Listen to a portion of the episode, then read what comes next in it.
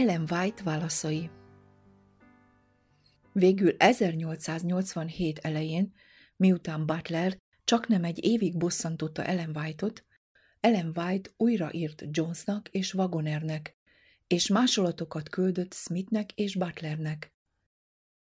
Levelében leírta nekik, hogy egyetlen anyagot sem olvasott egyik féltől sem a Galata törvényel kapcsolatos ellentétes elképzelésekről. Többször említette csalódottságát, hogy nem találta meg, mit írt arról a témáról évekkel azelőtt. Úgy gondolta, belet mutatva neki, hogy J.H. Wagoner álláspontja helytelen a törvényel kapcsolatban, és most, mivel nem találta azt az anyagot, elméje nem volt világos a problémával kapcsolatban, és nem értette a témát. Nagy aggodalmának adott hangot a két fő kiadvány közötti konfliktus miatt. Azt is elmondta, hogy Jones és Wagoner túl magabiztosak és kevésbé óvatosak, mint kellene, és attól tartott, hogy Ele Joseph Wagoner a viták és ellentétek örömét ápolta magában, ugyanúgy, mint az apja. Különösen ebben az időben el kellene utasítani mindazt, ami hasonlít a viszálykodáshoz, és keresni az egységet. Az egyházi kiadványokban számos cikk foglalkozott ellentmondásos témákkal, melyek hasonlítottak Káin Krisztus nélküli áldozatához. Ellen White-ot az is aggasztotta, hogy azok, akik nem bibliakutatók, állást foglalnak a témában megfelelő tanulmányozás nélkül, bár lehet, hogy a pozíció nem az igazságot képviseli. Ha ezek a dolgok eljutnának egy generálkonferenciához, ő megtagadná a részvételt. Nekünk egy világra szóló üzenetünk van. Isten parancsolatai és Jézus Krisztus bizonyságtétele a munkánk terhe. Az egység és az egymás iránti szeretet a nagy munka, amelyet most el kell végeznünk. A szentek szentjéből nagyszerű tanítást kapunk nevelésünk érdekében. Krisztus a szentében szolgál. Nem követjük őt a szentébe, ahogy kellene. A léleknek itt a földön kell megtisztulnia, Krisztus munkájával, a mennyei szentély megtisztításával párhuzamosan. Ott tisztábban fogjuk látni, hogyan látnak minket. Tudni fogjuk, miként ismernek bennünket. Isten lelkének mély hatásai szükségesek a szív megmunkálásához és a jellem alakításához.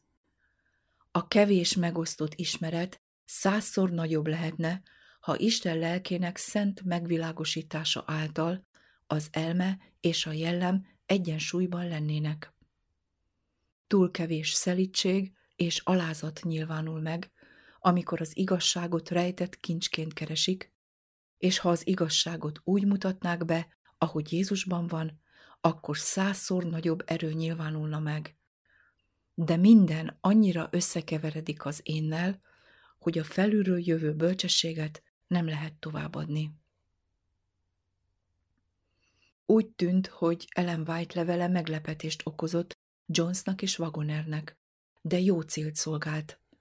Jones megköszönte Ellen White-nak a levelét, mondván, hogy kitartóan megpróbál nyerni a bizonyságból, és igazán nagyon sajnálja, ha része volt valamiben, ami megosztottsághoz vezetett, és bármilyen módon kárt okozott Isten munkájában. Ugyanakkor megosztotta a maga verzióját is, bemutatva a Galata törvényel kapcsolatos vita kontextusát. Jones soha nem hallott a neki küldött levélről, és sem a J.H. Wagonernek évekkel ezelőtt elküldött bizonyságról. Örömmel ajánlotta fel, hogy bármilyen világosságot publikál Ellen White-tól a Science újságban megjelent témával kapcsolatban. Azt is világossá tette, hogy a főiskola óráin nem engedte meg a hallgatóknak a téma megvitatását, és elmondta, hogy ő maga nem szeretné megmondani, hogy melyik koncepció helyes. Azt mondtam nekik, hogy a Galata levélben inkább Krisztus evangéliumát keressék a törvény körüli beszélgetés helyett. Arra gondoltam, hogy ha Krisztust és az evangéliumot tartják szem előtt, biztosak lehetnek abban, hogy a jó oldalon állnak, függetlenül attól, hogy végül milyen ítélet születik majd a Galata törvényel kapcsolatban. Ha Krisztus volna figyelmük középpontjában, nem tudom megérteni, hogyan tudnának tévedni. Azt hiszem azonban, elmondtam nekik, hogy abban hittem, hogy mindkét törvényt megtalálják ott, és az evangélium, a hitáltali megigazulás az egésznek az alapját képezi. Wagoner hasonló véleményeket fogalmazott meg.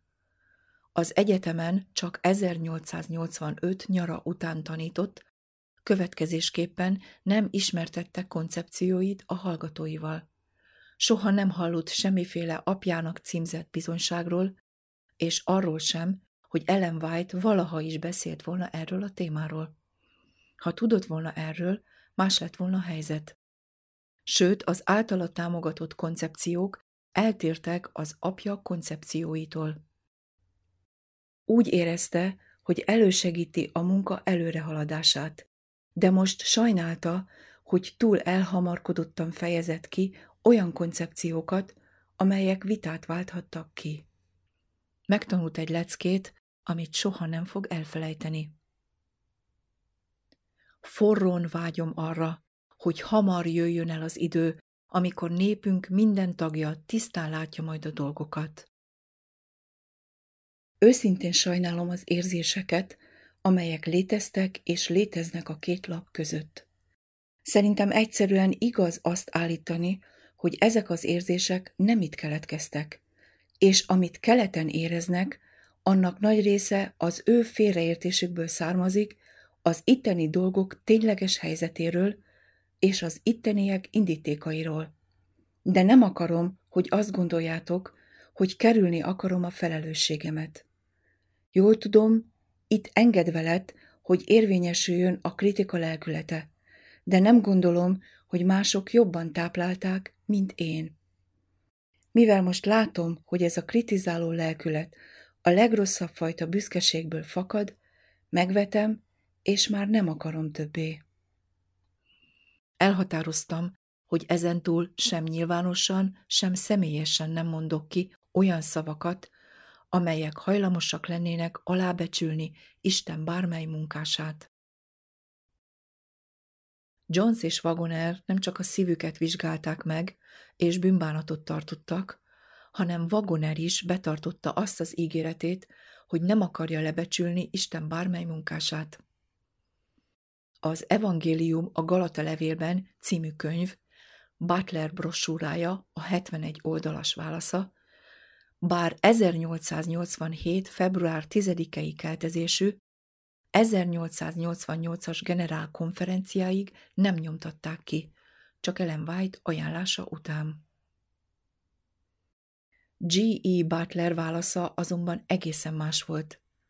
Miután megkapta Jonesnak és a Wagonernek szóló levél másolatát, örült, mert azt hitte, hogy Ellen White végül mellette és Uriah Smith mellett áll. Remélte, hogy Ellen White most nyilvánosan nyilatkozik az adatott törvényről, mert az adatott törvény vagy az erkölcsi törvény, vagy a ceremoniális törvények rendszere. Butler önmagát tette ki a további problémáknak, kijelentve, hogy ha valaha bebizonyosodott volna, hogy meglátása téves, akkor ő nem bízna a saját megítélésében, nem ismerné a lélek irányítását, és teljesen alkalmatlan volna bármilyen vezetői szerep betöltésére a műben. Ugyanakkor Butler megmutatta Wagoner iránti igazi érzéseit is. Úgy vélte, hogy L.G. Wagoner örökölte apja egyes tulajdonságait, kijelentve, hogy Wagoner minden publikációján megjelenik apja új lenyomata. Butler elmondta, hogy ellentétben Wagonerrel, aki a Science-ban publikálta cikkeit, ő nem volt hajlandó a Galata törvényről szóló saját nézeteit a review-ban tenni, valószínűleg megfeledkezve arról, hogy éppen egy agresszív cikket tett közé a március 22-i számban. Azonban nem sokkal később Butler öröme keserű csalódássá változott.